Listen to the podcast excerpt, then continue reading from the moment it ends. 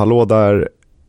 Vi vill återigen passa på att röstfiska lite om ni kallar det så. Men eh, skämt åsido, guldpodden.se gäller. Man kan ju nominera oss, eh, årets podd. Hade varit kul. Årets sportpodd naturligtvis och årets nykomling kvalar vi in till. Så om ni gillar det vi gör och vill att vi ska fortsätta göra precis det vi gör, prata om riktig engelsk fotboll, så nominera oss på guldpodden.se. Hur, eh, hur mår du Leo? Nej, men när man nämns i sådana här sammanhang som Guldpodden, att vara en av en miljon poddar nominerade, då, då mår man ju bra. Nej, men jag mår bra eh, av, av flera olika anledningar. Om jag får bara Eh, väldigt eh, eh, självfokuserad och självcentrerad mår jag framförallt bra för att min nya bok har precis släppts i veckan. Och, och eh, det är ju liksom slutet på en två år lång process för egen del. Så jag andas ut. Jag har den i mina händer. Det är över. Den heter alltså Hockeyns heraldik och är ju delvis en uppföljare till eh, fina, fina fotbollens heraldik som du har skrivit. Så eh, klubbmärken, sköldar, emblem, you name it. Mm, så den som är sugen eh, kan ju leta upp den i en bokaffär eller två. Och eh, är man intresserad av att ha ett signerat exemplar så går det faktiskt bra att skriva till mig eh, i privat meddelande på Twitter så ska vi se om vi kan lösa det. Eh, sist men inte minst innan vi kör igång vi finns på Instagram sedan en liten tid tillbaka. Vi heter EFL-podden även där. Det är precis samma som på Twitter. Jag antar att ni redan följer oss. Men om inte så ska vi försöka dela lite högt och lågt som inte passar för andra medier.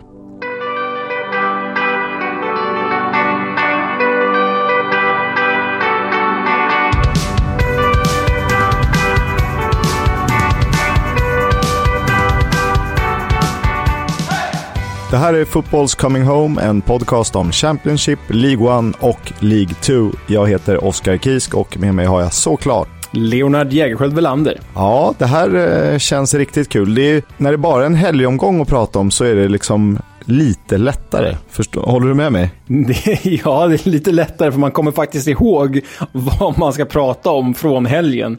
När vi kör de här liksom helg och mitt i veckan-omgångarna, då, då måste man liksom färska upp sitt minne med att kolla på alla highlights igen samma morgon som man spelar in. Nu behöver man inte göra det, så eh, med, med, lite, med saker färskare i minnet så känns ju det bra. och... Eh, Sen är det lite negativt också. Det betyder att man har sett lite mindre Championship-fotboll än vad man, vad man gör de andra veckorna. Men, men visst, det här känns ändå bättre. Det är rätt skönt. Det är lagom med, med 12 matcher att diskutera och inte 24 stycken. Exakt så. Vi, eh, vi kör väl igång direkt med eh, en, ett ska vi kalla det ett Neil Warnock-derby. Det var Cardiff som tog emot Middlesbrough och det slutade 0-2. Faktiskt eh, Boroughs tredje raka 2-0-seger. Och eh, i och med det har man lagt beslag på sjätteplatsen i tabellen. Och eh, playoff-kungen Neil Warnock fick se sin kollega i branschen, Mick McCarthy, tidigare tränare för Cardiff då alltså, lämna jobbet som manager. Eh, att notera där kanske Andras Sporar noterades för 1 plus 1. Eh, det var Borough som dominerade statistiken. Cardiff höjde sig något till den andra halvleken, hade två jättelägen, men eh, det blir som det brukar med lag i kris. Ja, och eh, det var väl absolut inte oväntat att Mick McCarthy och Cardiff gick åt olika håll. Och jag kan tänka mig att de egentligen redan efter alltså förra helgens förlust ville göra sig av med honom. Men när det då var så tätt matchande med, med, med match på helgen, match i veckan och match i helgen igen, så är det nästan omöjligt att göra sig av med en manager i ett sånt läge. Eh, så, så jag har läst också att det var liksom igen den egentliga viljan från ägare Vincent Tam och hans entourage. Men Mick McCarthy fick lämna, det var ju synd. Eh, honom gillar vi ju, i alla fall som, som karaktär. Så förhoppningsvis får vi se honom i någon IFL-klubb snart igen.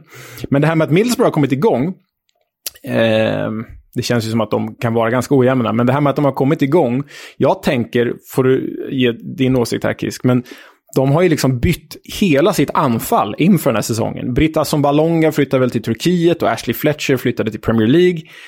Och så kommer ju då andra spårar in med några andra namn. Och det är väl inte konstigt att det tar tid att få ihop ett, ett lag när en hel lagdel byts ut.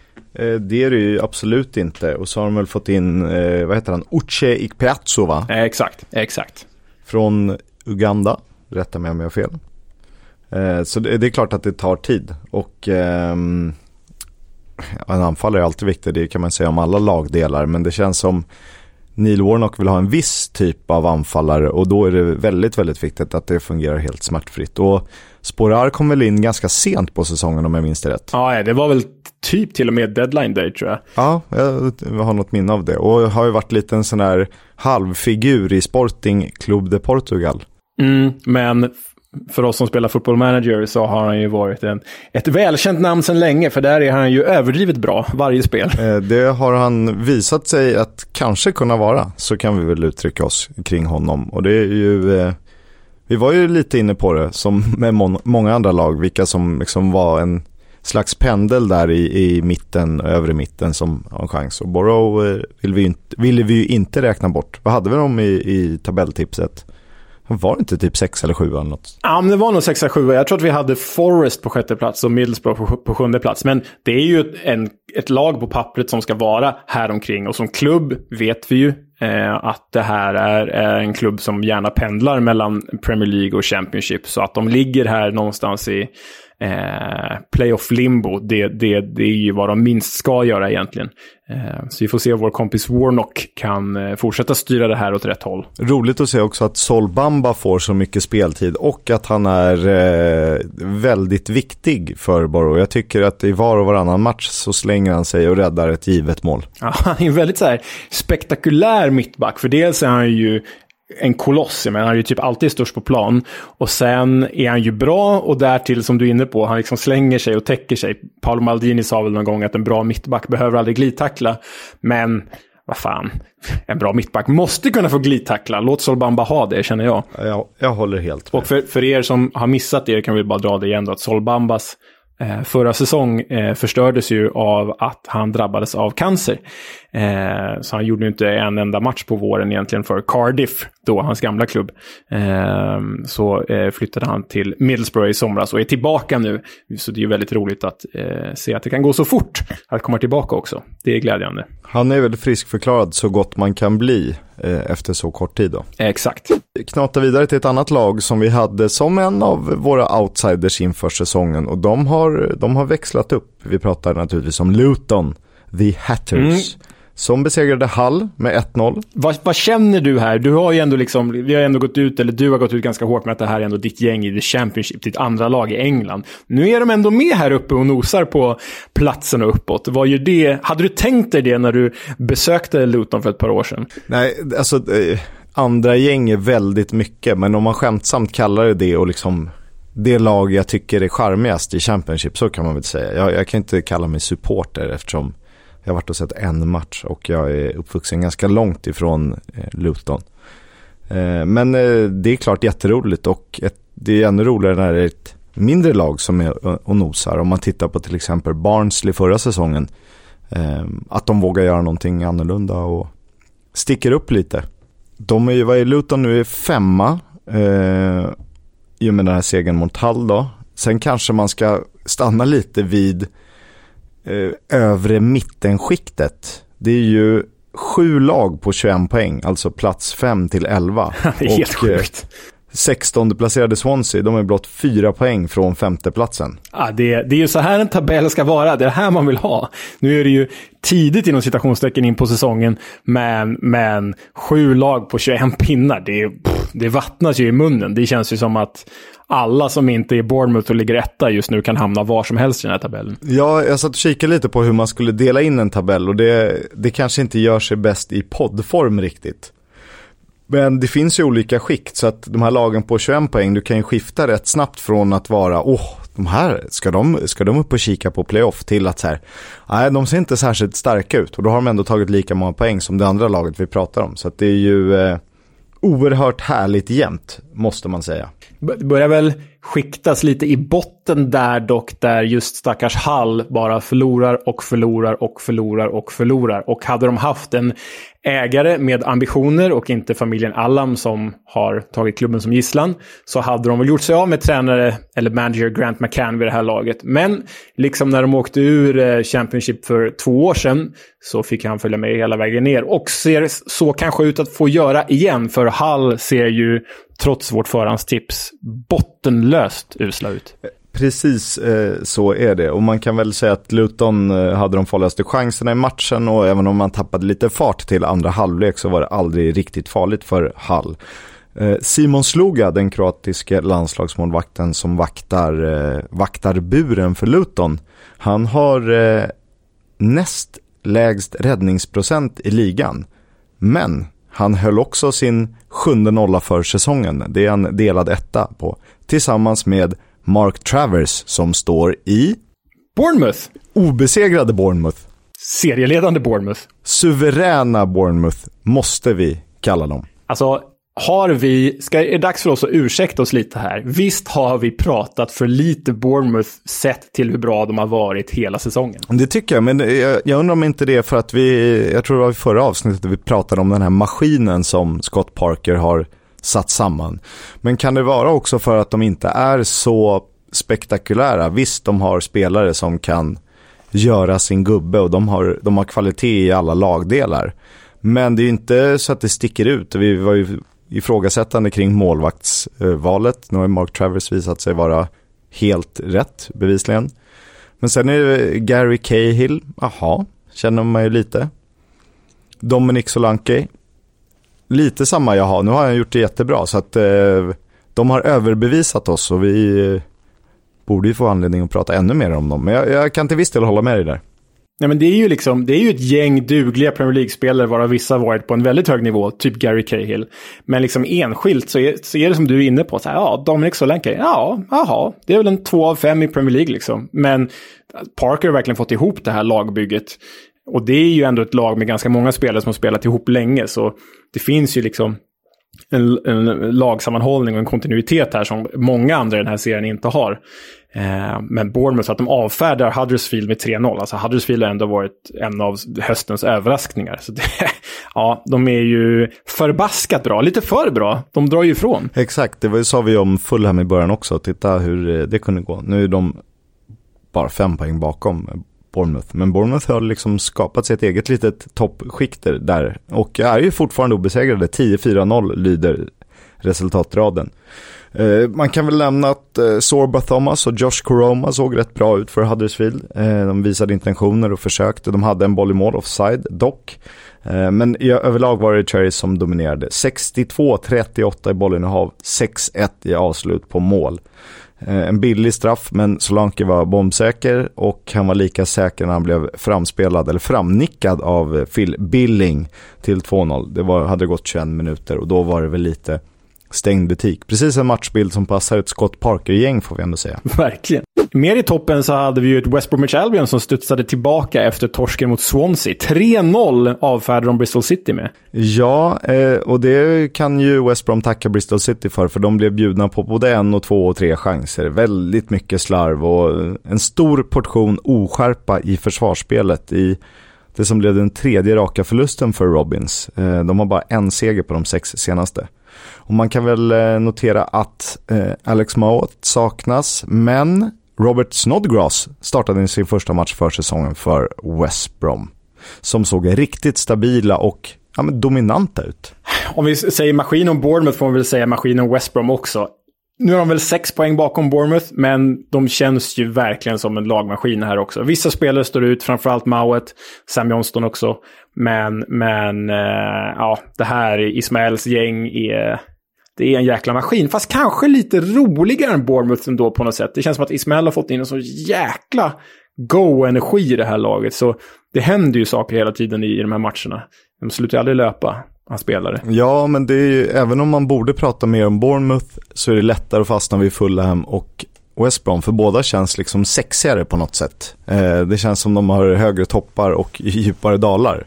Och eh, som supporter och som lagledare vill du ha ett stabilt lag, precis som Scott Parker har byggt. Men eh, ja, West Brom är lite mer kittlande och lite, lite rörigare. Du vet att du sa, det är sjukt, det, det, det är kanske den enda podden i världen som har kallat West Brom någonsin för sexigt. det, är en rubrik bara det. Jag står för det. Ja, men ja, Carline Grant och Callum Robinson, de är inte helt osexiga. Nej, nej, det gillar man ju. Och då saknar de dessutom Dara O'Shea ett tag till va? Ja, typ. Han ja. är väl borta ett halvår eller någonting. Exakt. Nej, men det är en jäkla maskin. Och när vi ändå är inne på det tredje topplaget, så som det verkar bli. Eh, ja, det är ditt Fulham. Du får ju gärna ta vid där. Ja, nej men eh, Fulham åkte ju till eh, Nottingham och eh, mötte Nottingham Forest på bortaplan. Och inför den här omgången var ju Nottingham Forest faktiskt det formstarkaste laget i hela serien om man räknar från det att Steve Cooper tog över laget då för, vad är det, fem, sex matcher sedan. Så jag kände ju i mitt Fulham och Cottagers och mitt svartvita hjärta att eh, det här kan bli tufft. Men det blev det ju inte alls. Fulham åker alltså till Nottingham och vinner med 4-0. Eh, Forrest inledde ju med att göra självmål och sen är Mitrovic framme två gånger om. Och därtill gör ju Neskens Kebano ett mål som den gode Johan Neskens hade varit väldigt stolt över.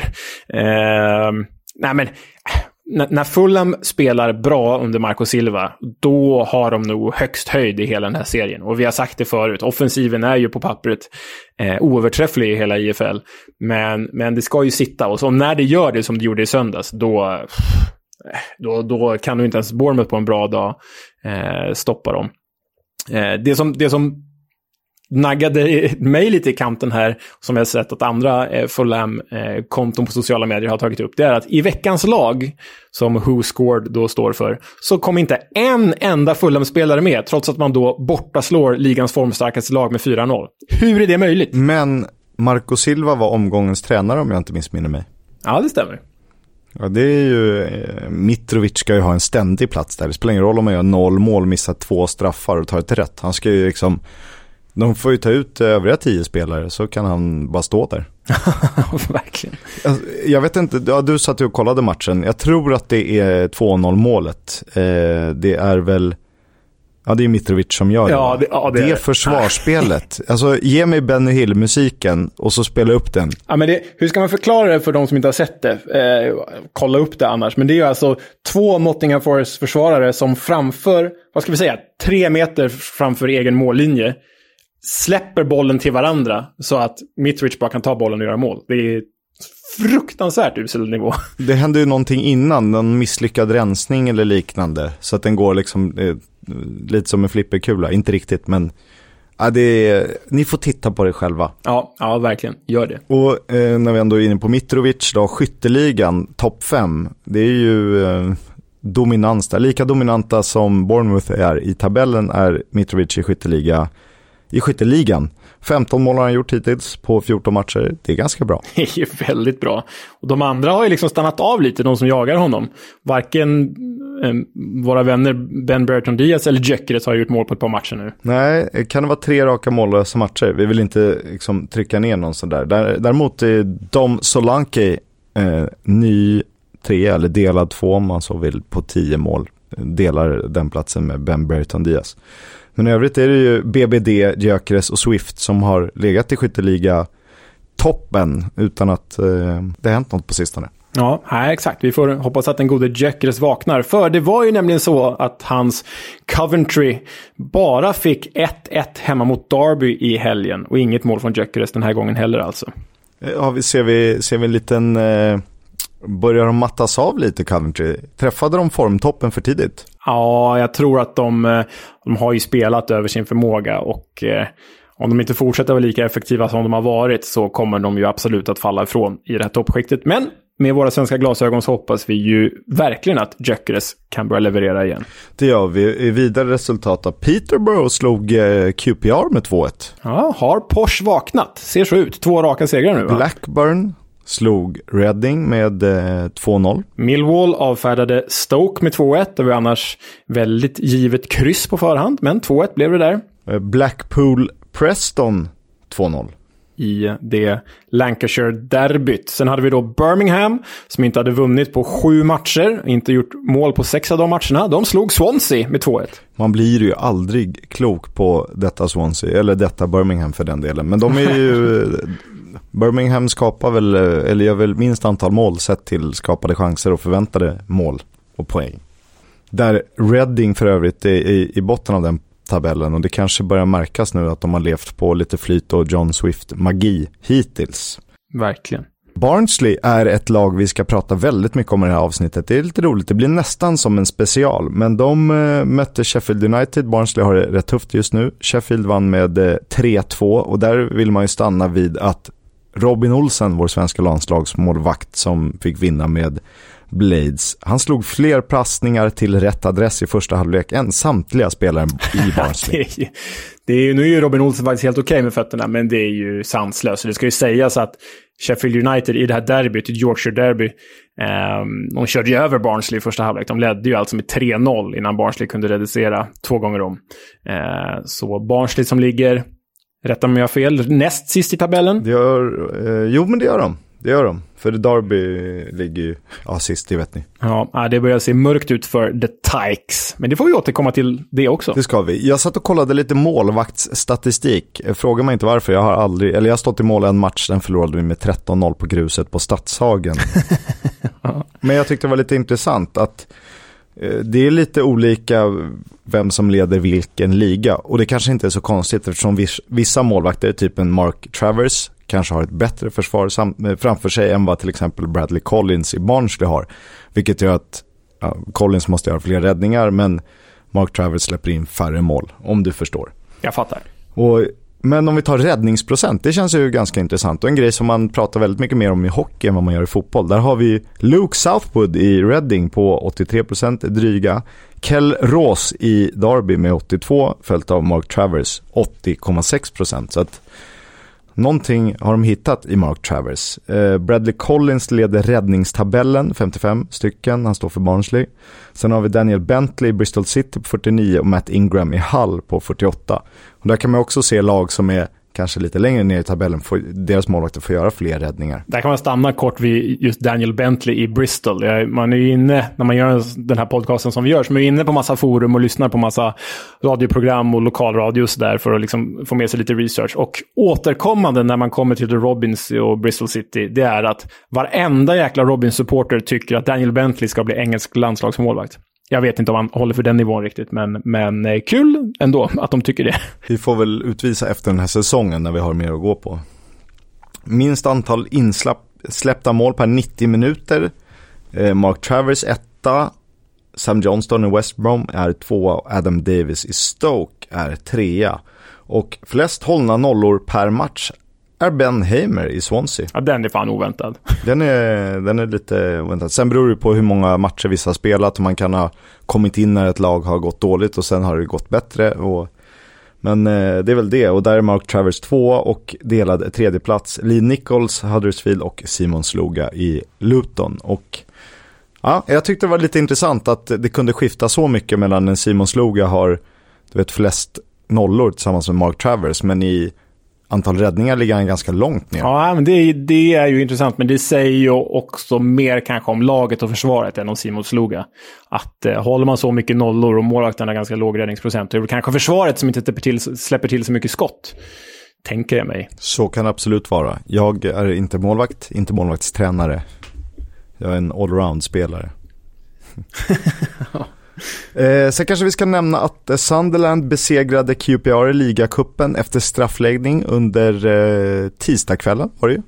Eh, och eh, Sunderland är enda lag från League One vidare. Det spelas eh, lite Championship, eh, eh matcher med Championship-lag senare den här veckan. Men de blir svåra att rapportera den här podden. Charlie Austin borde dock ha avgjort matchen redan innan men han vinkades felaktigt bort för offside. Och både Austin och Ilias Shair missade sina straffar. Ja, det är väl typiskt att det är de stora namnen som gör det. Men Sunderland, roligt, då är de framme i kvartsfinal alltså, eller hur? Precis, det stämmer och de lottas väl senare den här veckan. Yes. Have you not been watching? I haven't! Ja, Leo, eh, ny manager i Cardiff ska tillsättas. Vi vet inte riktigt vem än när den här podden spelas in. Vi får se om de hinner det till helgomgången. Eh, Chris Wilder som tog Sheffield United från League One till en nionde plats i Premier League och Jody Morris, assisterande till Frank Lampard i Derby och Chelsea, har varit de hetaste kandidaterna i nuläget. Men precis innan vi började spela in läste jag att Michael Beal som är First Team Coach i Rangers FC, eh, alltså assisterande då till Steven Gerrard blir han ju delvis, har seglat upp som en stor favorit. Eh, även Mike Flynn och outsidern Chris Hewton nämns i sammanhanget. Ja, det är ju intressanta namn här. Man vet ju liksom inte riktigt. Cardiff mådde ju oerhört bra av Mick McCarthy när han kom in där i våras. De vann väl sex raka matcher, men den troglodytfotbollen har ju bevisligen inte funkat i år överhuvudtaget.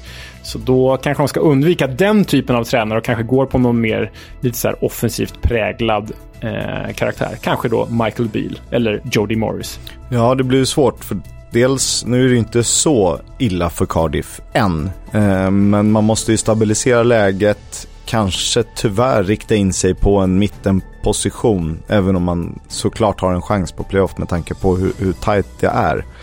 Eh, men det kan ju vara lite olika scenarier man ser framför sig. Eh, för risken om man satsar på att gå upp, då är ju fallhöjden naturligtvis lite högre. Så att om man vill spela högt eller om man vill riskminimera. Om man, om man vill riskminimera så är väl den gode Chris Hewton ett bra namn. Honom hejar vi ju på. Såklart. Eh, vill de vara säkra, då skulle jag rekommendera en kille som heter Neil Warnock. Verkligen. Jag tror att det skulle vara deras eh, drömmanager, i alla fall om du kollar på läktarna. Det, det får ni i vårt favoritsegment lite senare. Sen läste jag att Jack Wilshere eh, meddelade att han förhandlade med två klubbar i somras men kom inte överens eller var inte tillräckligt nöjd med villkoren då. Eh, och ett av dem spelar i Championship, det är Derby County, Wayne Rooneys Derby County som går som det går. Och Como. Och då tänker jag så här, de kontrasterna mellan, om man ser då på fotbollslaget, gråa Derby. Det är, det är bara ett stort moln över klubben och staden senaste eh, halvåret typ. Och så kommer du till Comosjön. Ja, det är, det är härliga kontraster. Jag såg faktiskt på Instagram där i, i slutet av sommaren, slutet av övergångsfönstret, när, när Wilshire var i Como. Det ser ju, jag har faktiskt varit vid den arenan en gång.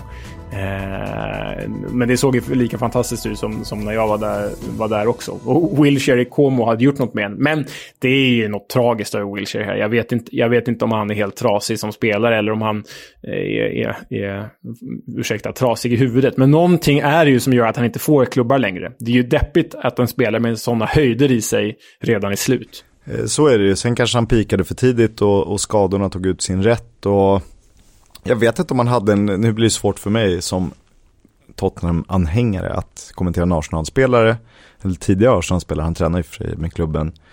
Men det känns som han hade lite hög svansföring för sin egentliga nivå. Ja, verkligen.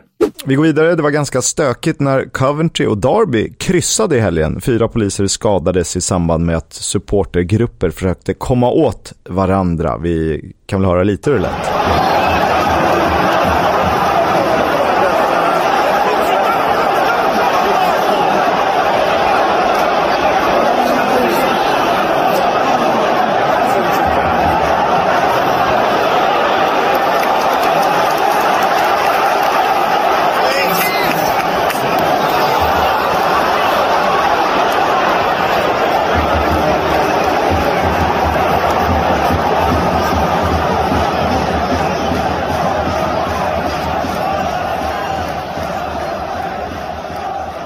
Ja, det här nyhetssegmentet har ju varit någon slags bevakning av Derby County helt oundvikligt. Eh, nu ska Wayne Rooney ha fått information från konkursförvaltarna att två seriösa bud har kommit in och att det är läge att förbereda en plan till januarifönstret. Och då kan man ju tänka att så här, The Rams står ju under transferembargo. Eh, och där tror jag kravet är att befintliga lån betalas innan man kan börja spendera pengar. Om man ska hålla det kortfattat och förståeligt för en sån som mig. Nej, men det är ju en extremt prekär situation som, som eh, Darby hamnar i, även, även, eller har hamnat i, även om det finns seriösa bud. Jag vet inte hur liksom det här transferembargot... Eh, eh, ja, nej, det är ju lånen som måste betalas av och då hoppas man att det... Jag antar, nu låter jag väldigt amatör med men jag antar att eh, när en ny ägare kommer in så betalas ju lånen av. Det kan väl inte vara en rimlig affär annars. Och då bör de väl kunna värva spelare om de får nya ägare. Ja, du, du köper ju klubben med lån. Eller köper, du tar det väl över klubben med lån. Så att eh, istället för att betala en köpeskilling så betalar du av skulderna som finns. Eh, exakt, eh, ja. Och sen, sen vet jag inte exakt hur lång tid det är, men jag försökte läsa på. Det jag kunde förstå var att Eh, så länge allt är betalt och ingen är, Darby inte längre är skyldig någon eller några eller någon klubb pengar så, så kan det vara lugnt att värva. Men eh, det finns ju säkert någonting, någon liten asterisk där. Exakt. Vi kanske ska kika på vad som händer till helgen.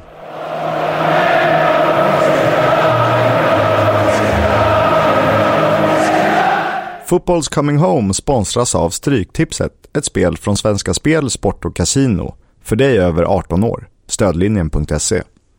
Lördag 16.00, Bristol City mot Barnsley. Två av ligans formsvagaste lag i vad som måste kallas ett riktigt krismöte. Bristol City har vunnit en av de sex senaste och Barnsley, som vi får anledning att återkomma till senare i avsnittet, har sex förluster i följd och inte vunnit på 12 raka matcher. Hemmalaget har dock ett något mer bekvämt tabelläge efter 16 poäng på 14 matcher på 17 plats.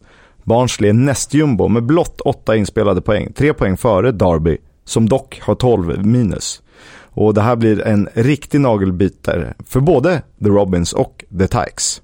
Ja, och det är ju lätt att man låter färgad, men det, är ju, det gör man ju så gärna när ens lag ligger i, eh, som ett av topplagen i tabellen. Eh, lördag förmiddag så är det ju faktiskt Fulham mot, mot West Bromwich. Och eh, antar att den tittar väl alla på, oavsett om man är supporter till något av lagen eller inte, för där kan det hända grejer. Sen också en kul fredagsaftonsmatch när Queens Park Rangers möter Nottingham Forest. Ja, det känns ju som ett riktigt härligt möte. Och det var lite lustigt, som en händelse så har det blivit dags att presentera veckans klubb i rampljuset. Jag gav er Birmingham City förra veckan. Nu ska Leo berätta om Barnsley FC. Is a place where we're living a dream. If you're living in Barnsley, you know the guys in our team. Ronnie Glovey could be clapping. He remembers the scene of the goal that could have brought us real close to a dream. First there was Hunter and then Alan Clark. The march unto glory was about to start. Some say that the Barnsley is just like watching Brazil. We shout our Red Army, Red Army. then we beat them 4 0. Because we're gonna go up and up and up. Yeah, we're gonna go up. We're gonna go up and up and. Yeah, we're gonna go. We're gonna go. Mm. Där hade ni Barnsleys klubbhymn. Och eh, som ni hörde så handlar den om att de ska gå up, up, up. Men eh, det är ju en förhoppning och ett uteblivet faktum som vi får anledning att återkomma till eh, lite senare i den här berättelsen. Men om jag ska börja den här storyn kring Barnsley med en rent personlig reflektion så stötte jag på, eller råkat ut för Barnsley för första gången ordentligt på din och min tidigare arbetsplats, eh, Kisk. Eh, där vi jobbade tillsammans för ja, sju, åtta år sedan. Eh, och då var det, ja, för nästan ett årtionde sedan, så skulle vår dåvarande kollega grafiker Andreas iväg på fotbollsresa. Glad som en tupp var han. Och jag frågade lystet, men vart ska du någonstans då? Och då svarade han, till Barnsley. Varför i helvete ska du till Barnsley? frågade jag då. Och det visste väl inte han heller egentligen. Det här blir lite kul eftersom vi har med en kille i podden lite senare som eh, jobbar för Barnsley och han ska berätta varför man ska åka till Barnsley. Så cliffhanger. Verkligen. Men idag ångrar jag den här okunskapen och ignoransen från min sida. Men frågan var ju ändå berättigad. Varför skulle han åka till just Barnsley för att kolla på fotboll? När det finns så mycket annat i England. Och Barnsley, inte bara då för mig, utan för de flesta andra, var väl bara ett anonymt klubblag på kupongen. De fanns där ibland och de kryssade, eller de förlorade. Men mer än så hade man inte koll på Barnsley. Och vi, du och jag, vi har ju tjatat om att Reading är Englands mest intetsägande klubb. Men Barnsley är kanske den mest anonyma. För vad vet man om dem egentligen?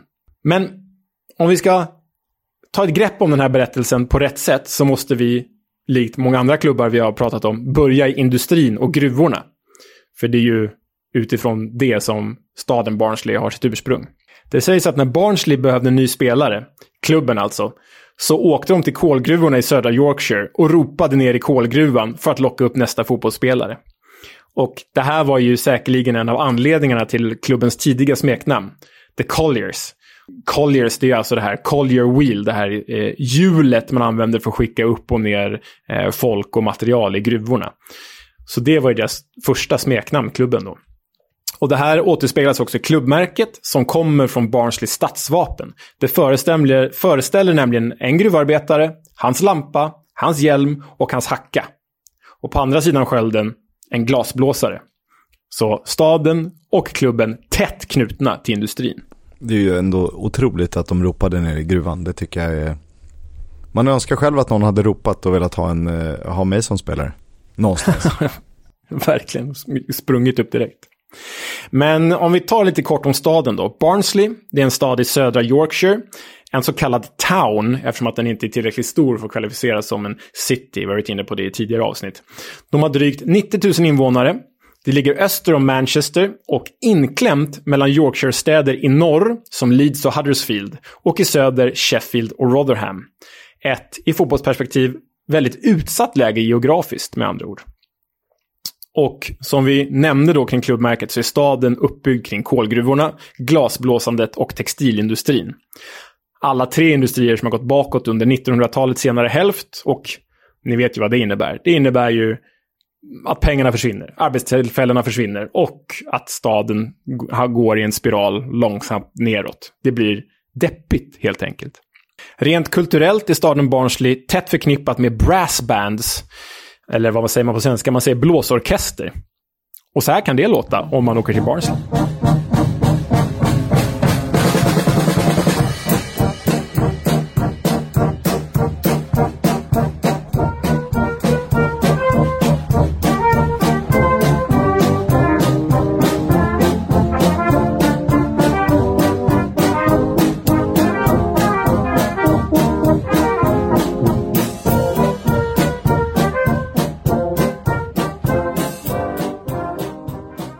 Alltid härligt med lite klassiskt bläckblås. Det, det gillar vi en eh, onsdag som denna. Ja, jag kan tänka mig att du går igång på det, musiker som du är.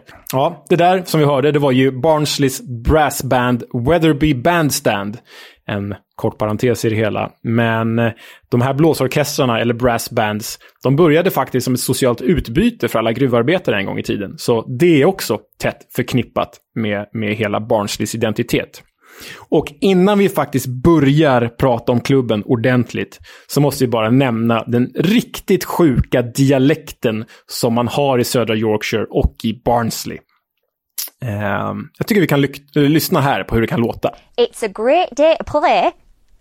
They ain't waiting. My face on a plate. Barnsley. ja, precis. Barnsley. Det är, liksom, det är som ett, det är som ett utdraget ä-ljud. Barnsley. Barnsley. Jag lyssnade på någon eh, Barnsley podcast inför det här avsnittet och det, ja, det är tufft. Det är tufft dialektalt. det är jäkligt speciellt alltså. Okej, okay. klubben då. Barnsley FC. Klubben grundades eh, 1887 av prästen med namnet Tiverton Preedy. Ett typ Sagan om ringen-namn känns det som.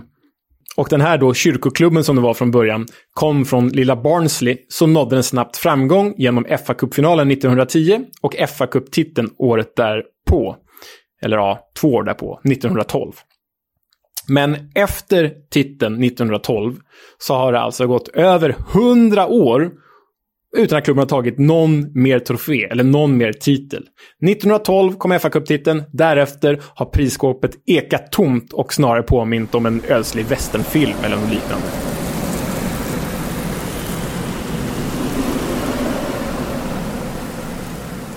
Och det som istället blev Barnsleys sportsliga signum var faktiskt andra divisionen idag känd som The Championship, The Championship, som den här podden faktiskt handlar om. Barnsley är nämligen den klubb med överlägset flest säsonger i Englands andra division. Barnsley har, om vi räknar årets säsong, 82 säsonger i eh, landets näst högsta serie. Men nu kommer frågan till dig, Kisk, och till eh, våra kära lyssnare. Hur ser resten av topp 5 ut? Vilka klubbar har spelat flest säsonger i andra divisionen. Kan du ta någon på topp 5 så blir jag imponerad. Ja, eh, Nu ställer du mig på pottan. Det, undra, det låter som det gör det svårare än vad det egentligen borde vara. Men jag tänker ju lite, alltså det ska ju ändå vara någon form av gammal storklubb som kanske har varit på dekis ett tag. Det är lite mitt resonemang, att det är ett bra lag men så har de pendlat lite och som åkte ur som varit... Jag skulle kunna tänka mig ett lag som Nottingham Forest. Nottingham Forest är, jag är snäll mot dig, du kommer få fyra gissningar här eftersom att det är ändå topp fem jag är ute efter. Nottingham, For Nottingham Forest är inte ens med på topp 10. Då skulle jag säga Leicester. Bra! Leicester, andra plats, 62 säsonger. Jag skulle också kunna gissa på Birmingham. Inte topp 10. Sheffield United. Inte topp 10. Nej, det var svår den här alltså. Men du tog andra platsen. Ska jag, ska jag avslöja? Derby County. Nej, inte Derby heller. Då är det väl något Grimsby eller något annat. Eh... Ja, Grimsby faktiskt, de är inte på topp 5, men de är sjätte plats med 52 säsonger. Vill du ha dem då? Jag vill ha dem. Vi hade alltså Barnsley första plats, 82 säsonger. Leicester tvåa, 62 säsonger. Trea, här blev jag lite överraskad, Hull 61 säsonger. Trodde att de hade legat längre ner. Fjärde plats, Fulham, 56 säsonger. Och femte plats, Bristol City, 54 säsonger. Ja, där, eh, där gick man bet. Jag, jag tror att jag valde fel spår. Jag kanske valde för stora klubbar. Ja, men kanske. Och för den intresserade så är då sjätteplatsen Grimsby, sjunde Blackpool, åtta Preston North End, nia Cardiff och delad tionde plats Burnley och Charlton. Ja, det om det. Ja, som sagt, de har ju blivit en evergreen i an engelska andra divisionen. Och istället för kupptitlar eller uppflyttningar så fick ju Barnsley bida sin tid ja, ända fram till säsongen 1996-1997 då klubben säkrade uppflyttning till Premier League genom att komma tvåa i gamla Division 1. Uppflyttningen säkrades i den näst sista omgången genom mål av Paul Wilkinson och Clint Marcel. And, uh... Marcel got in there. On he goes. Here's Redford now. He's got no support. So he'll have to turn and feed it for Marcel. Now then, Clint Marcel goes for the glory and gets it! That surely is the goal that takes Barnsley into the Premier League for the first time in their history. Wonderful, wonderful scenes at Oakwell. They've never been this high in over a century. And Clint Marcel, one of Danny Wilson's summer signings, has surely scored the goal that guarantees that the likes of Manchester United and Liverpool and Leeds and Sheffield Wednesday will be coming here next season. Kommer du ihåg dem från eh, året i Premier League, Kisk? Eh, ska jag vara helt ärlig? Nej, jag gör inte det. Jag kommer ihåg att Barnsley var uppe, men eh, det ringer inga så här klockor, matcher man såg. Det här är ju liksom, är det tipsextra eller har det hunnit bli tipslördag? Det är ju gränslandet där i alla fall. Ja, det är det ju. Och undrar hur många sådana matcher som, som visades. Men ja, hur gick det i Premier League då? Sådär. De stora pengarna fanns ju inte i Barnsley och därför hette nyförvärven, eller några av dem i alla fall, Lars Lese, målvakt från Bayer Leverkusen. Jorgi Ristov, mittfältare från Partizan Belgrad. Erik Tinkler, sydafrikansk mittfältare från Cagliari och Jan-Åge Fjörtoft från Yorkshire-rivalen Sheffield United. Ah, det är inte jätteimponerande namn det här. Nej, det är inte så att man ramlar av stolen direkt. Nej. Ja, men mitt under den här Premier League-säsongen så anslöt även en svensk i form av VSKs Peter Markstedt. Och även om Peter Markstedt, ni vet, han som vann allsvenskan med Hammarby som anfallare, väldigt lyckad sådan. Eh, även om han då som ung mittback fick en superb start på sitt engelska proffsäventyr genom att slå Liverpool hemma med 1-0, så slutade säsongen med degradering. Barnsley blev näst sist i Premier League och eh, trots att Markstedt även spelade i cupsegern mot Manchester United så fick han uppleva sin andra nedflyttning på mindre än ett år. Han hade ju åkt ut med VSK, han åkte ut med Barnsley. Markstedt lämnade sedermera för HIF och Barnsley kom, i alla fall hittills, aldrig tillbaka till högsta nivån. Och nu har jag faktiskt en till fråga här. Det blir dubbelquiz idag. En annan svensk har eh, representerat eh, Barnsley. Vem är det? Mm, bra fråga. Den är typ omöjlig skulle jag säga. Om man inte vet det så vet man inte. Jag visste inte förrän jag kollade upp det inför det här avsnittet. Jag vet, jag vet inte heller. Jag kan gissa i all oändlighet. Ja. Nej, det är Robert Bengtsson Bärkroth, alltså Niklas Bärkroths pappa. Aha, Nej, det hade jag faktiskt ingen koll på. Nej, inte jag heller. Han gjorde en säsong där i typ 2000-2001 i andra divisionen. Mäktigt ändå. Ja.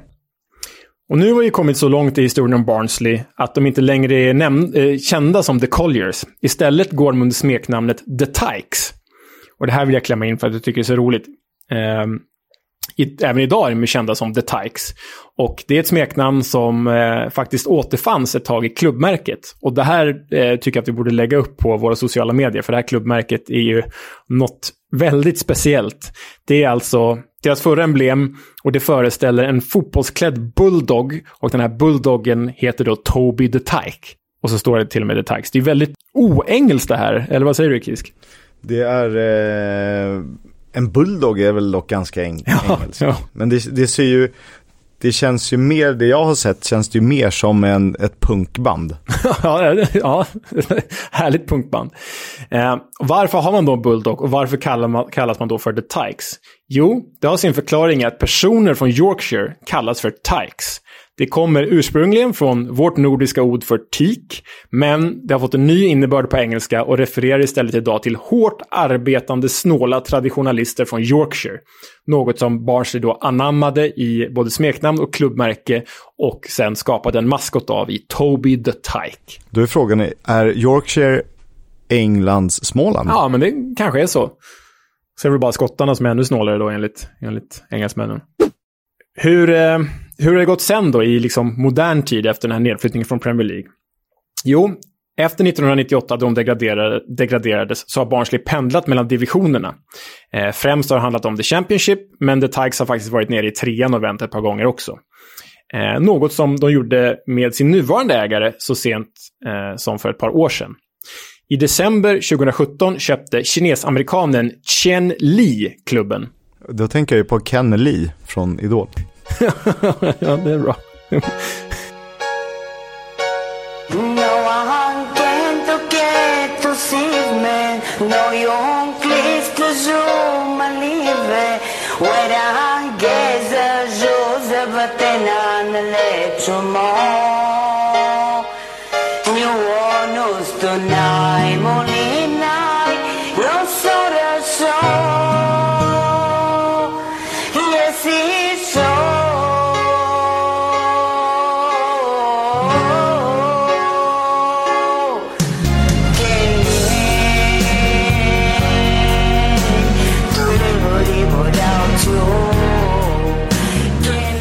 Ja, man måste ju ta varje tillfälle i akt och lyssna på, på Ken Lee. Men Chen Lee, som äger Barnsley, är en eh, affärsman som riktat in sig på ägandeskap av eh, fotbollsklubbar. Utöver Barnsley har han tidigare ägt eh, Nice i Frankrike. Och han äger eh, numera också schweiziska FC Thun, belgiska Ostende, franska Nancy, danska Esbjerg och holländska FC Den Bosch.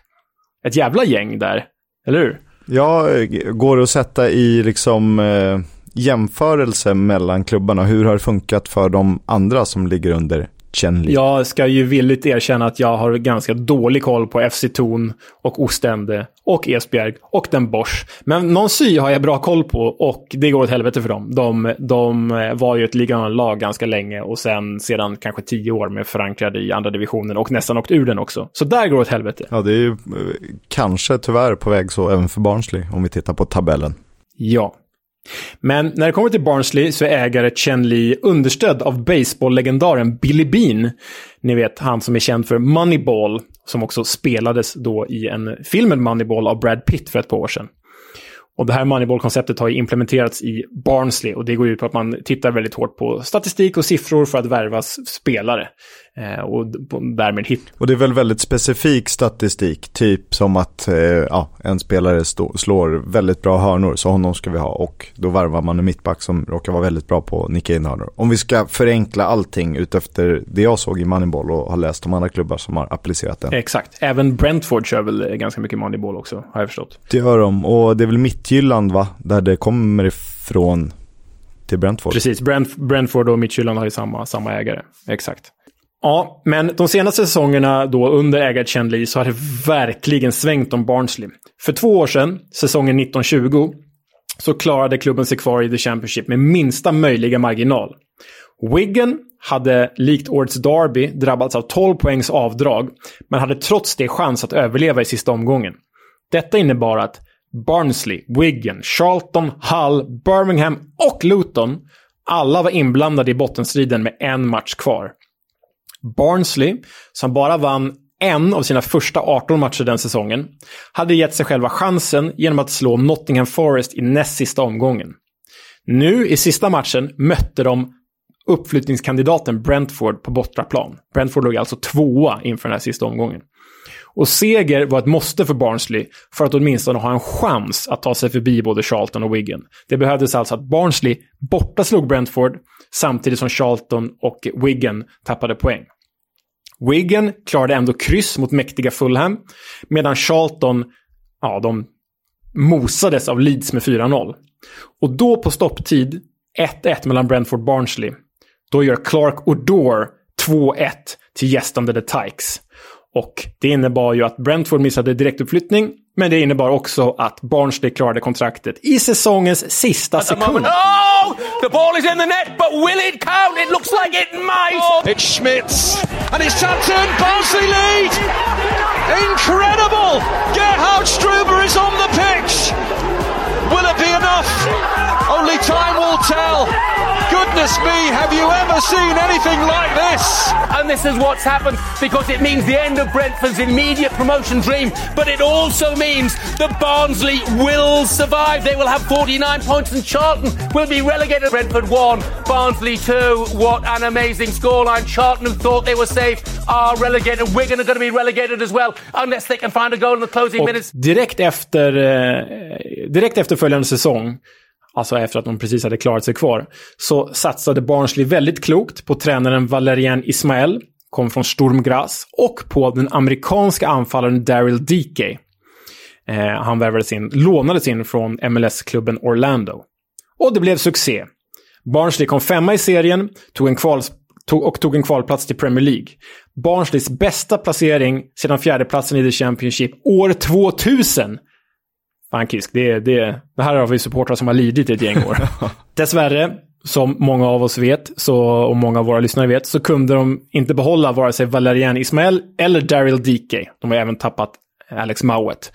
Eh, men eh, Daryl Dike minns ju sin tid i England med eh, gott minne. I was that experience was crazy. I mean, from a young age, I mean, you always watch English football and you always hear about the you know the atmosphere, the fans, you know, the competitive play and all that. So being able to you know play the entire year and then of course get into playoffs and be able to finally play in front of fans with you know at Barnsley and then at Swansea and you know see the level of competition and you know tackles flying in how the fans are the atmosphere. I mean i love it. I think it's great. And i think uh, you know for me that experience was something that you know still shaped me you know how i was today in terms of you know mentally physically you know how i play off the field on the field everything i think you know it was a great experience for me it was really important Och Kisk, vad händer då om man tappar sin succétränare, sin bästa målskytt och Alex Mowat? Ja, då ligger man ju typ näst sist i The Championship och det är bara ett poängavdrags eh,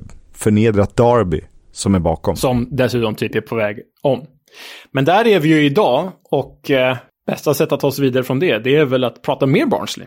Ja, men jag menar det. Vi, vi fick en liten pratstund med David Wernersson som är hyfsat nytillträdd klubbsekreterare, eh, som det heter, i Barnsley. Det är väl Khaled El Ahmad som eh, delvis har varit med och påverkat det. Och han, även om Barnsley FC går dåligt, så har ju han en annan bild och jag har aldrig hört någon sälja in en fotbollsupplevelse så bra med en enkel hisspitch. Vi har, eh, vi har Dav- David om livet i Barnsley och i klubben Barnsley FC.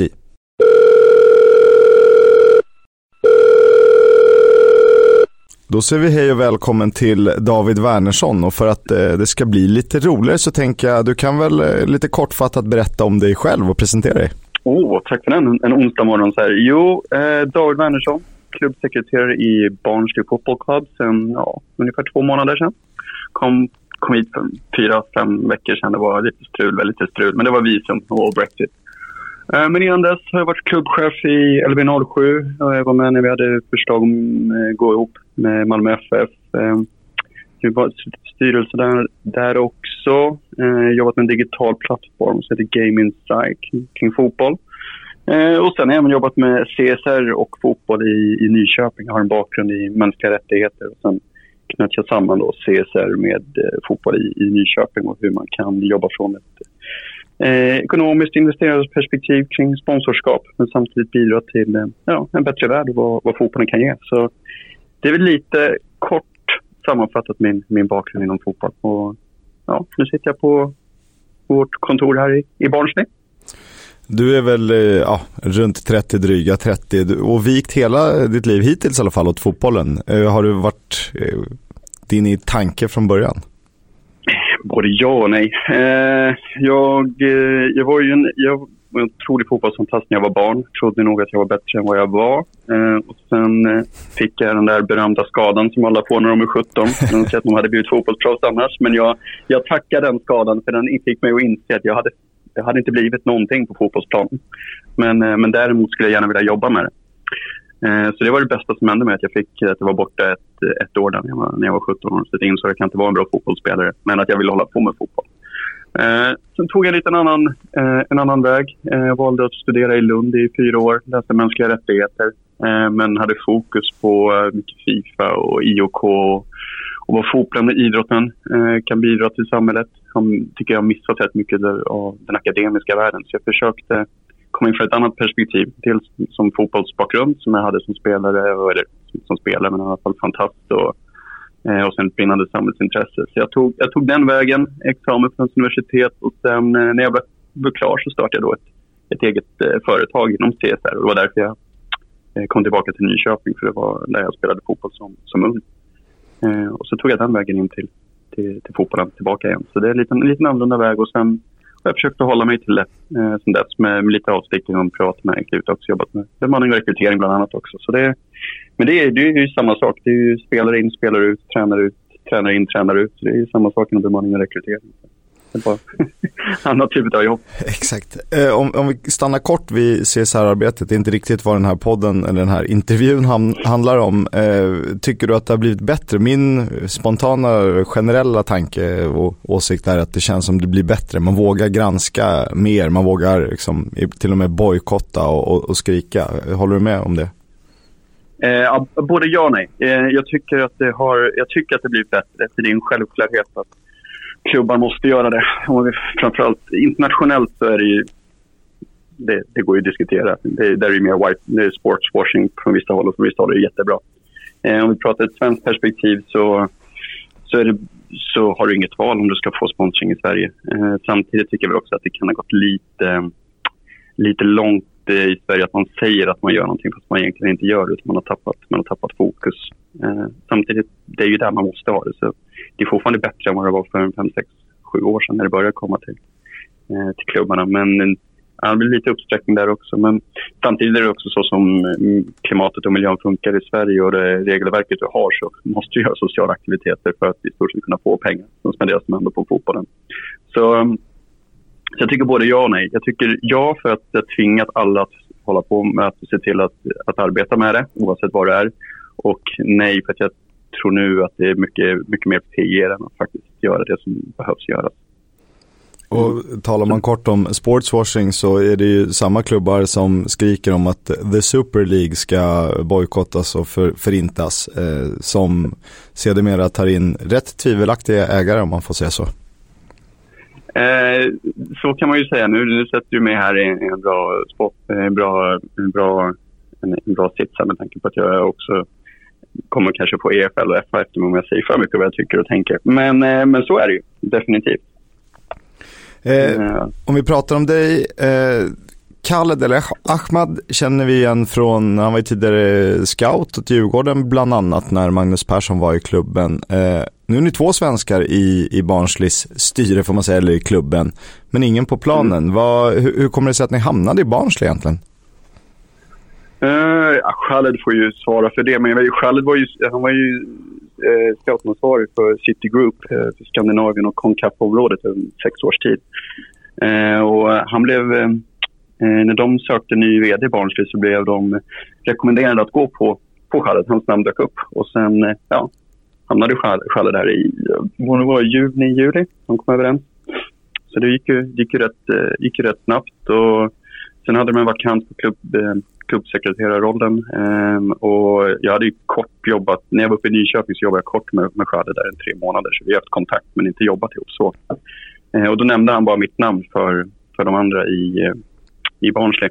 Att ni kan prata med honom men jag tänker inte lägga mig i, i rekryteringen. Så det var, det var det jag gjorde, jag la fram mitt namn och så fick jag en intervjuprocess med, med de övriga i, i klubben. Och sen, sen fick jag jobbet. Så då så vi, vi hamnade här men det, var, det, det gick snabbt. I augusti hade inga tankar på Barnsley och sen hade jag väl två veckor senare skrivit på för dem. Så det gick fort. Otroligt roligt i alla fall. Vad, vad innebär rollen klubbsekreterare och med ansvarsområden? Eh, ja, alltså det, det är väl inte riktigt en sekreterarroll som det kanske man tänker man översätter direkt till, till svenska så, utan Eh, det är väl mer football operations eh, skulle, skulle man kunna, kunna kalla det för. Så det har eh, koordinerar med, eh, med motståndarlag, med, med motståndarlag kring alla matcher, med EFL, med eh, FA. Eh, det är matcharrangemangen, det är när spelare blir kallade till landslag. Det blir hantera agenter, transfers, inte att jag förhandlar om men att, att de verkställs och allting är by the book. Disciplinärenden, om det är någonting sånt med, med FA, där vi, vi är inblandade så är jag med och kollar på det och skickar dokumentation. Eh, så det är, det blir väl en, ja, som man kan kalla det kanske en COO-roll fast kring, kring fotboll. Eh, och finns det inget riktigt i Sverige så för fotbollen är inte lika, apparaten i, i Sverige är inte lika stor som den är i England. Så det behövs, det, det behövs kring, kring, kring fotbollslogistiken skulle jag säga.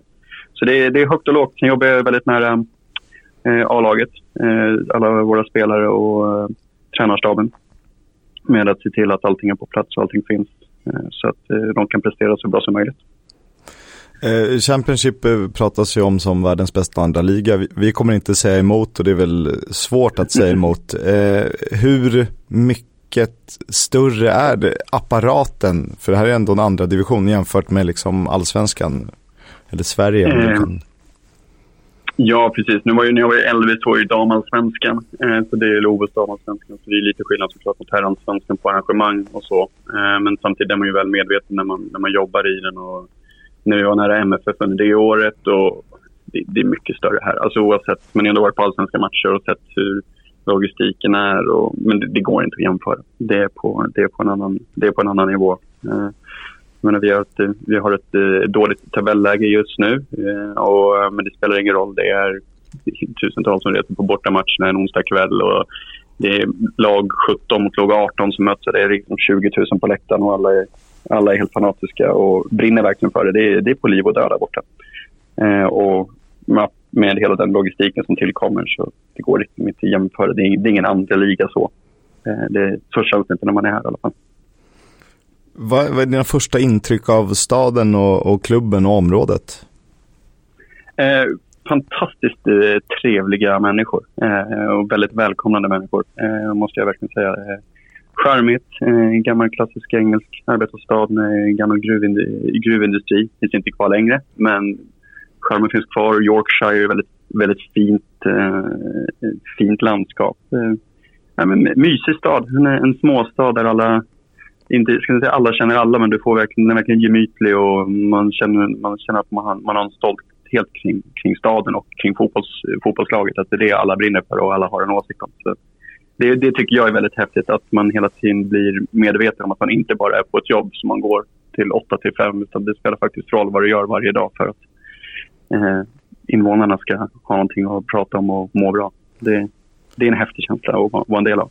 Det är en åsikt som de, väldigt många delar, särskilt de eh, spelare och, och, andra personer som har gästat podden. Men kan du känna att pressen blir för stor? Att, den är, att det nästan är jobbigt att ditt varenda lilla steg mäts på något sätt? Eh, nej, inte, inte, inte direkt. Alltså, både och. Du måste lära dig leva med det. Eh, det, det. det, spelar ingen roll vilken nivå du är på. Ibland kan det vara skönare att vara på lite större nivå för då blir du lite mer anonym eh, vad det var, kan till och med vara när du är en division 1 eller division 2-klubb. I en småstad kan alla ha åsikter om dig. Eh, men eh, jag, jag, tycker, jag tycker inte det. Jag tycker snarare att då det är, det är fantastiskt att kunna få, få ta del av det och du måste, du måste liksom älska älskar pesten, det betyder att någonting förväntas av dig. Eh, och det tycker jag är en rätt skön känsla. Eh, det är värre om ingen förväntar sig någonting av dig tycker jag. Det, det hade varit en värre känsla om alla bara inte har någon åsikt om det. Så det, det gillar jag. Jag trivs med den pressen i sådana fall. Sen är jag ju bara en del av maskineriet här så det är en av 40-50 stycken på, på kontoret. Så det är inte bara jag. Men jag gillar det. Alla nycklar är lika viktiga. Va, va, du säger i augusti blev du liksom kontaktad eller rekommenderad. Vad, Mm. vad hade du för koll på Barnsley innan? Ja, men jag hade koll på att de 97 var uppe i Premier League. För det var då, eh, var då jag själv började följa er på, eh, på, eh, på tips, eh, tips Extra och Tipslördag. Eh, så det var väl, men jag var förvånad egentligen att de bara varit i Premier League en, en, en gång. För det känns som att de alltid varit, eh, varit med där uppe. Men det är ju som sagt det är väl det laget som har, klubben som varit längst i Championship. Så man har väl alltid satt dem på tipskupongen. Så man har aldrig riktigt reflekterat över att de inte har varit i Premier League. Man har trott att de har varit flera gånger där. Men eh, en klassisk, klassisk klubb. En klubb som alltid, man alltid har känt till men kanske inte haft stenkoll på. Eh, så så skulle jag väl eh, säga att mina tankar var om Barnsley från början. i alla fall. Eh, låter rimligt. Jag tror att eh, fler delar den eh, åsikten. Om vi knyter då tillbaka till förra frågan. För att vara en klubb i Sverige då kanske du måste ha något form av supporterskap eller du måste brinna för klubben på något sätt. Känns det som ibland i alla fall.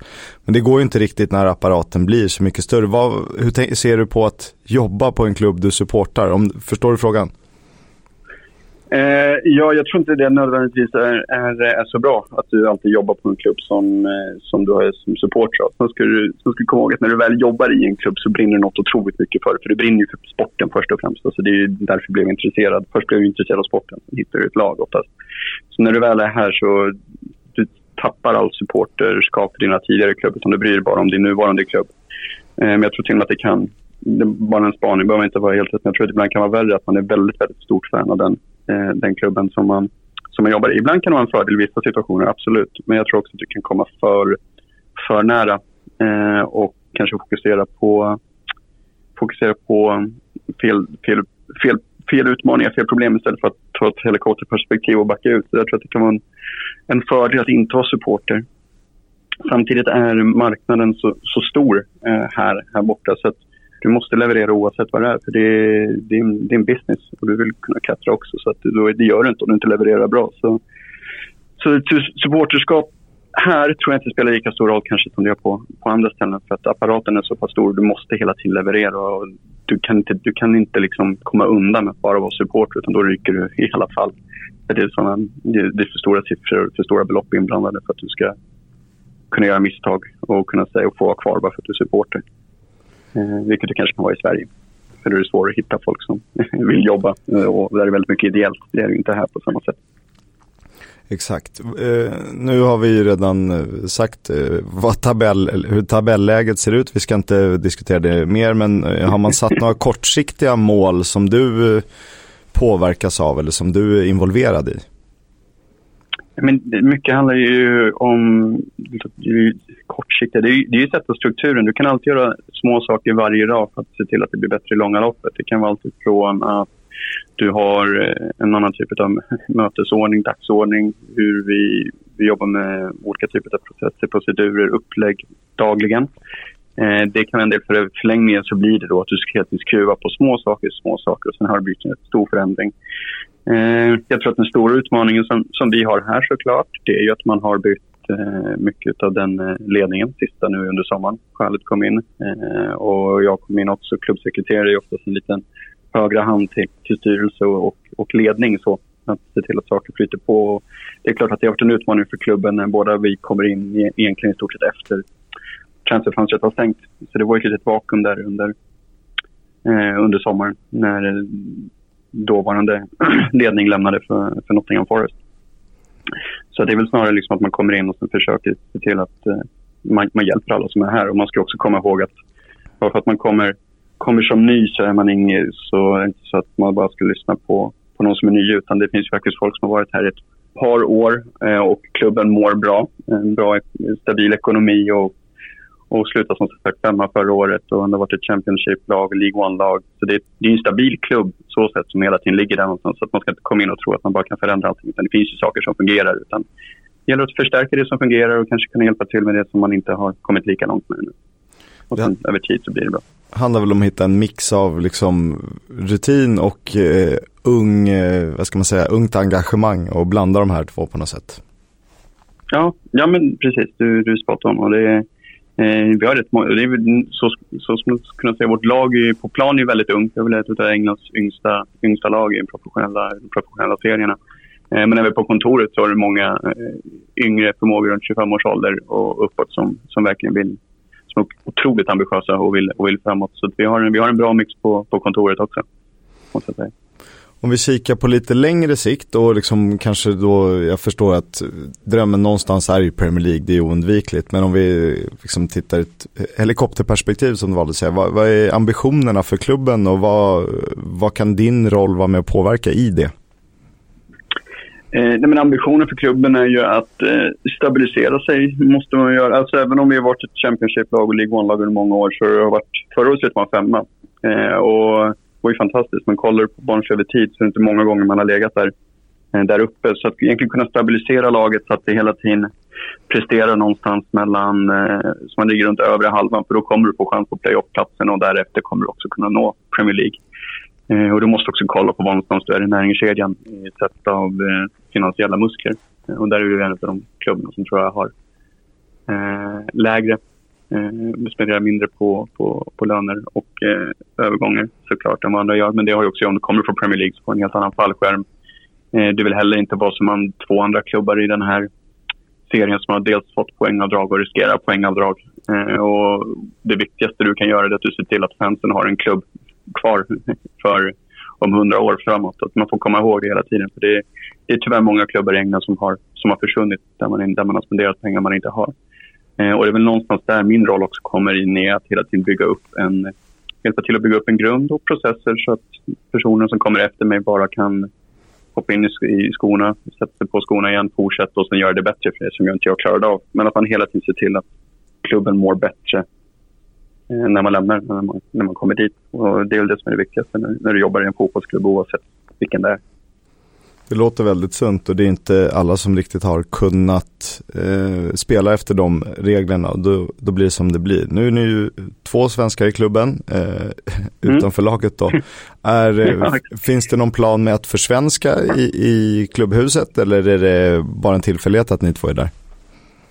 Jag tror att just att jag och Khaled är här är nog faktiskt en, en tillfällighet. Eller Khaled har jobbat i City i sex år. Så jag menar det är ju sina ringar på vattnet. Han är ju välkänd här omkring. Eh, och att jag kom in var ju för att jag hade lite kontakt med Khaled som tipsade mig om det. Sen är det ju svårt om vi ska prata om spelare och eh, spelare så är det ju med, med, eh, med Brexit som trädde i kraft här i juni så är det, det, är- det är ju nästan till omöjligt som det reglerna ser ut idag att kunna värva från, från allsvenskan eh, exempelvis. Så du kommer inte se så många. Då måste du vara då måste du i stort sett vara landslagsspelare från, från Sverige. Du ska kunna, kunna, eh, kunna spela i England. Eh, och då plockar ju Premier League-klubbarna de, eh, de landslagsspelarna i sådana fall. Det gör ju inte en Championship-klubb. Eh, så, så spelarfronten är, det- är det tuffare eh, och det har att göra med att det, det är svårt med, med Brexit helt enkelt. Och eh, då ska det vara, de har en GB, jag vet inte om du känner till det, ett, ett, ett index som du måste räkna ut på om spelarna är kvalificerade för att spela i England. Eh, och många svenska spelare är inte kvalificerade för det. Jo, vi gjorde en redogörelse i eh, något avsnitt där vi eh, ja, också avslöjade att Moses Ogbo var intressant för, eh, för klubbar i lägre divisioner. Eh, Men det var ju i princip omöjligt att värva honom eftersom man inte hade landslagsmeriter. Och har man landslagsmeriter så finns det ju en chans. Men hela det där systemet omöjliggör det för ganska många, eh, ja, utom britter då. Men eh, fördelen är att man får ju satsa på akademier också. Eh, Gäller det även er? Tänk, kommer ni också tänka mer akademi? Alltså Barnsley generellt sett varit väldigt bra på att producera spelare till, till toppligorna. Både i Championship och vi har, vi har väl, har fem, sex stycken som är egna bara i, i, dagens, i dagens trupp. Helt egna. Eh, John Stones är ju härifrån bland annat också. Eh, så Barnsley har redan en, en, stark historia av att fostra bra, bra unga spelare.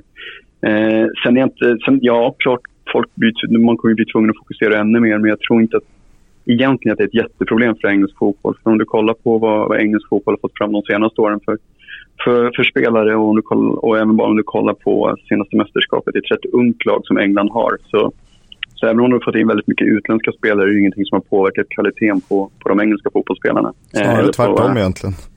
Ja, exakt. Jag menar, du, du ser till det ut som att engelska spelare går utomlands i Bellingham och Sanko och sen kommer de tillbaka i alla fall. Sank- Sanko. Så jag tror, jag tror liksom inte att det alltid nödvändigtvis är bra att stänga, eh, stänga för utländska influenser i det här fallet. Eh, eller ibland man pratar om att man inte värvar äldre spelare för att det kan ge någonting annat också. Så, det, så um, Ja, folk måste ju satsa mer på akademi, men jag tror inte nödvändigtvis att det kommer generera bättre fotbollsspelare för, för England. Utan det här är egentligen bara en konsekvens av Brexit och jag vet att FA har under utredning. De måste göra någonting för att följa eh, de lagar som sätts just nu. Eh, och sen har de en pågående diskussion med, med, med regeringen också hur man kan kanske förändra eller förbättra reglerna. För det som är jobbigast för oss just nu, det är väl inte vi. Klart, man kan acceptera reglerna, det är ju lika för alla, så det, det är väl inget konstigt. Men det är väl just att de är rätt otydliga nu. Eh, och det finns många, många jag ska inte säga att det finns många hål i det, så, men det, den, den är otydlig. Det är, o, det är otydligt hur man ska tolka vissa paragrafer. Så det ska nog bli spännande att se hur det blir till, ja, dels till januari kanske de ändrar någonting, men framförallt till, till nästa sommar. Och se om de skruvar lite på det för att göra det mer eh, hanterbart för, för klubbarna. Lutar det åt att det blir en förändring så att det blir, går tillbaka till att det blir kanske något lättare att, eh, att värva utländska spelare då? Jag vet faktiskt inte. Eh, och, det är som sagt det är, det är, arbets, eh, det är arbetsrättsliga frågor här som är på, på EU, eh, på indirekt EU-nivå också. För det kan vara EU kan hjälpa. Det beror på vad EU och Storbritannien förhandlar fram också. Eh, längre fram. Eh, om man då ska kolla. Alltså det här är ju fortfarande, det här är ju hjälpt klubbar utanför EU. Eller för spelare, spelare utanför EU. Vi är väldigt europeiskt centrerade så det är nytt för oss egentligen. Men de här reglerna har varit applicerbara på Argentina, brassar eh, och så vidare tidigare. Men eh, jag tror nog att, jag, tror nog, jag vet inte vad som kommer, men jag tror i alla fall att en, en förtydligning och förenkling så man vet hur man ska, hur man ska räkna ut. För just nu är det rätt, det är inte alldeles enkelt att kunna, kunna räkna ut om en spelare är, är tillgänglig att värva eller inte. Det kan liksom räcka med att du sitter på bänken en match de senaste två åren just nu för en klubb som, som vinner ligan i en, ja men om vi Bayern München exempelvis, vinner ligan så kan det räcka med att en spelare sitter på bänken en, en match för att vara kvalificerad. Men sen kan du ha spelat alla matcher i grekiska ligan upp 20 mål, men kanske inte spelar landslaget så, får du inte, så är du inte kvalificerad. Så att det är klart att de har lite att arbeta på vad som ska räknas som att vara kvalificerad och inte kvalificerad. Nej, det där 75 sidor långa pdf-dokumentet eh, är jag glad att slippa redogöra för på, i någon C-uppsats eller liknande. Ja, jag kan skicka över det till någon du vill. Jag har redan försökt, det var för tråkigt. Men jag tror att jag lyckades nu till våra lyssnare i alla fall. Du, om vi pratar lite Ja, om dig då. Eh, vad är din Mm. personliga målsättning eh, ja, framgent och med det här jobbet? Eh, nej men personligen är det ju bara, dels får man vara väldigt eh, tacksam och glad att du får möjlighet att, att få jobba på den här nivån och i, i den här miljön som jag ändå är i, eh, först och främst. Eh, sen är det vad jag än gör så har jag fått, jag, jag, jag ser sex månader framåt och sen jobba så agilt som möjligt. Att vad jag kan göra bättre idag eh, så att det blir bättre för mig imorgon. Sen får man se vad, det- vad, det, vad, det, tar, vad det tar sig framåt. Jag tyckte faktiskt Pontus Wernbloom sa det bra i Lunds podcast. någonstans. man, bara men ibland behöver man bara fokusera kortsiktigt. Att hela tiden inte sväva iväg för snabbt. För gör du saker bättre varje dag så kommer det också komma rätt så långt. Eh, så det, det är så jag ser på det. Sen, sen vet jag vad som händer i livet. Det, det är, eh, när du jobbar i den här businessen så kan du svänga fort. Eh, och sen har man ju en familj att ta hänsyn till eh, också. Och det är viktigt att allting, allting fungerar kring det med, med, med flickvän och, och barn. Eh, klart att jag som, om det är min barndomsdröm att få jobba med fotboll i England såklart. Men det ska ju funka för, för familjen och hela den biten. Så Premier League är ju såklart varit en dröm att vi får vara i Premier League med Barnsley. Men vi får se. En dag i taget faktiskt. Vi håller tummarna för det. Vi har många som lyssnar som älskar att åka till England. Några eh, bor i England eller är mycket i England. Mm. Eh, vad har Barnsley som inte andra engelska städer och klubbar eh, kan erbjuda då? Eh, vi har ju... Eh, vill, du- vill du besöka... Om, om du vill verkligen besöka... Jag, ska säga, jag kan säga som min, svär, eh, min svärfar var här. Eh, och så mötte när vi mötte Millwall och förlorade med, eh, med 1-0. Eh, och eh, bortsett från resultatet så det var hans bästa upplevelse någonsin. För du får det du... Om du har vuxit upp med att se på Stryktipset, Tipslördag och vad, som, vad engelsk fotboll är Du har en arena som är till vissa del 120 år gammal. Eh, det finns fortfarande bevarat kvar. Eh, du går liksom ner för en, för en backe bak mot arenan. Du ser den gamla typiska engelska klassiska arenan. Bakom ser du landskapet med dal, eh, dalen och liksom Yorkshire-landskapet är engelska. Du har puben runt hörnet. Du har, om du vill uppleva det som du kände när du liksom, oftast de som inte lyssnar, blev kär i engelsk fotboll. Eh, om vi tänker då 60, 70, 80, 90-tal. Då är det Barnsley du ska besöka, för då kommer du verkligen få det. Eh, för du kommer få det genuina, det traditionella och du kommer samtidigt få en klubb som, som vill framåt och jobbar, jobbar modernt när det kommer till, till rekrytering och eh, satsa på unga spelare med positiv fotboll. Jag tror, jag, tror, Det tycker jag system. jag tror inte jag hört, eh, jag, jag tror inte jag skulle kunna tänka mig en bättre införsäljnings eh, på 30 sekunder. Det var riktigt bra hisspitch. Ja, skönt. Vad skönt. Nu satt jag den i alla fall.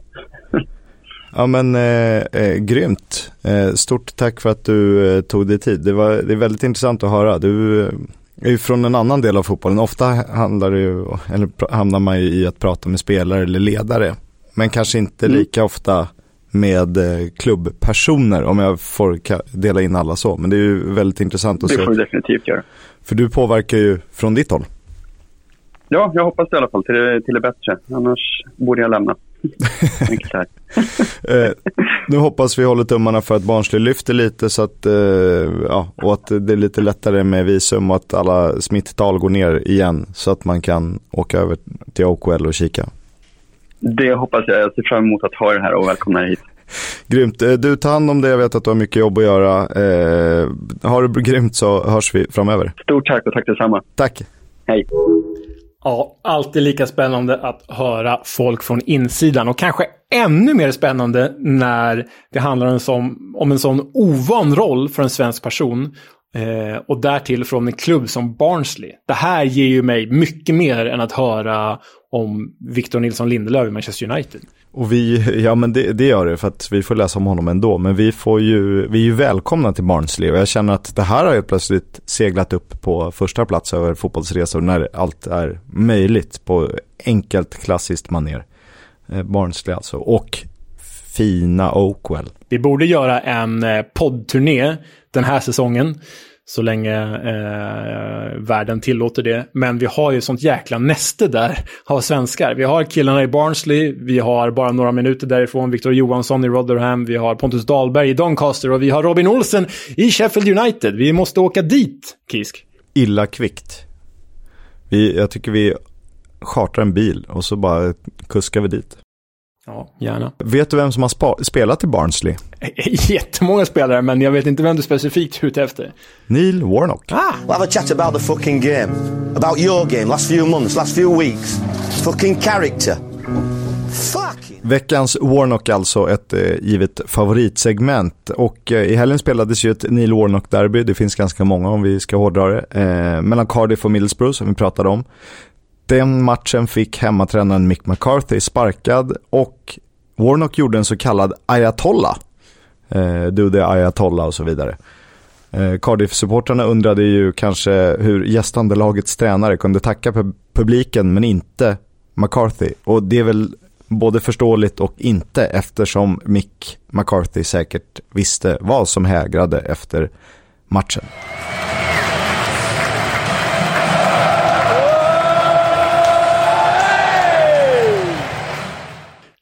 Fan vad man älskar, eh, älskar den gode Neil, flörtar med hemmafansen. Det har man ju råd att göra också när man besegrar dem och inte som Sören Kratz som gjorde tvärtom.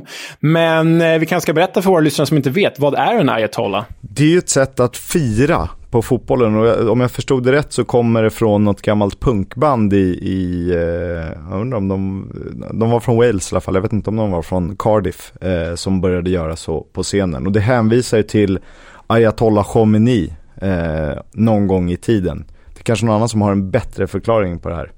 Eh, men det var väl tidigt 90-tal tror jag. Eh, och så gör man på ett visst sätt när man, när man firar med fansen. Ah, ah, intressant. Ni kan googla Do the Ayatollah så, så förstår ni, så får ni en bättre förklaring än vad jag kan ge i radio. Du, vi börjar närma oss slutet på det här avsnittet, eller hur?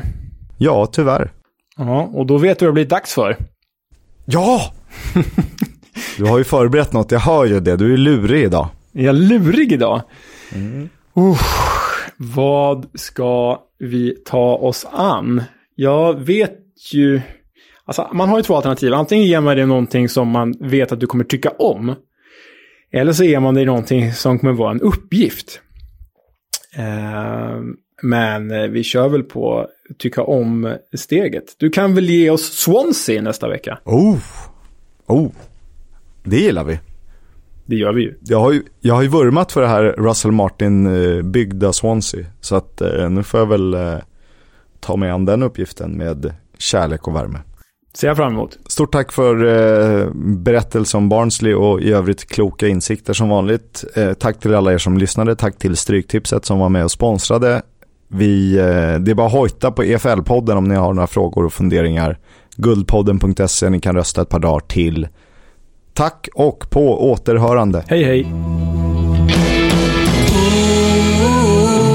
upptäckta vägar de han tar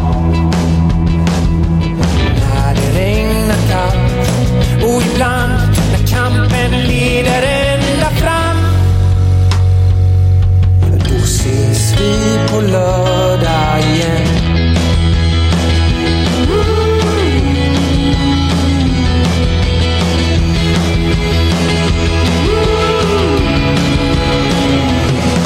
Min son, min son, du kommer väl aldrig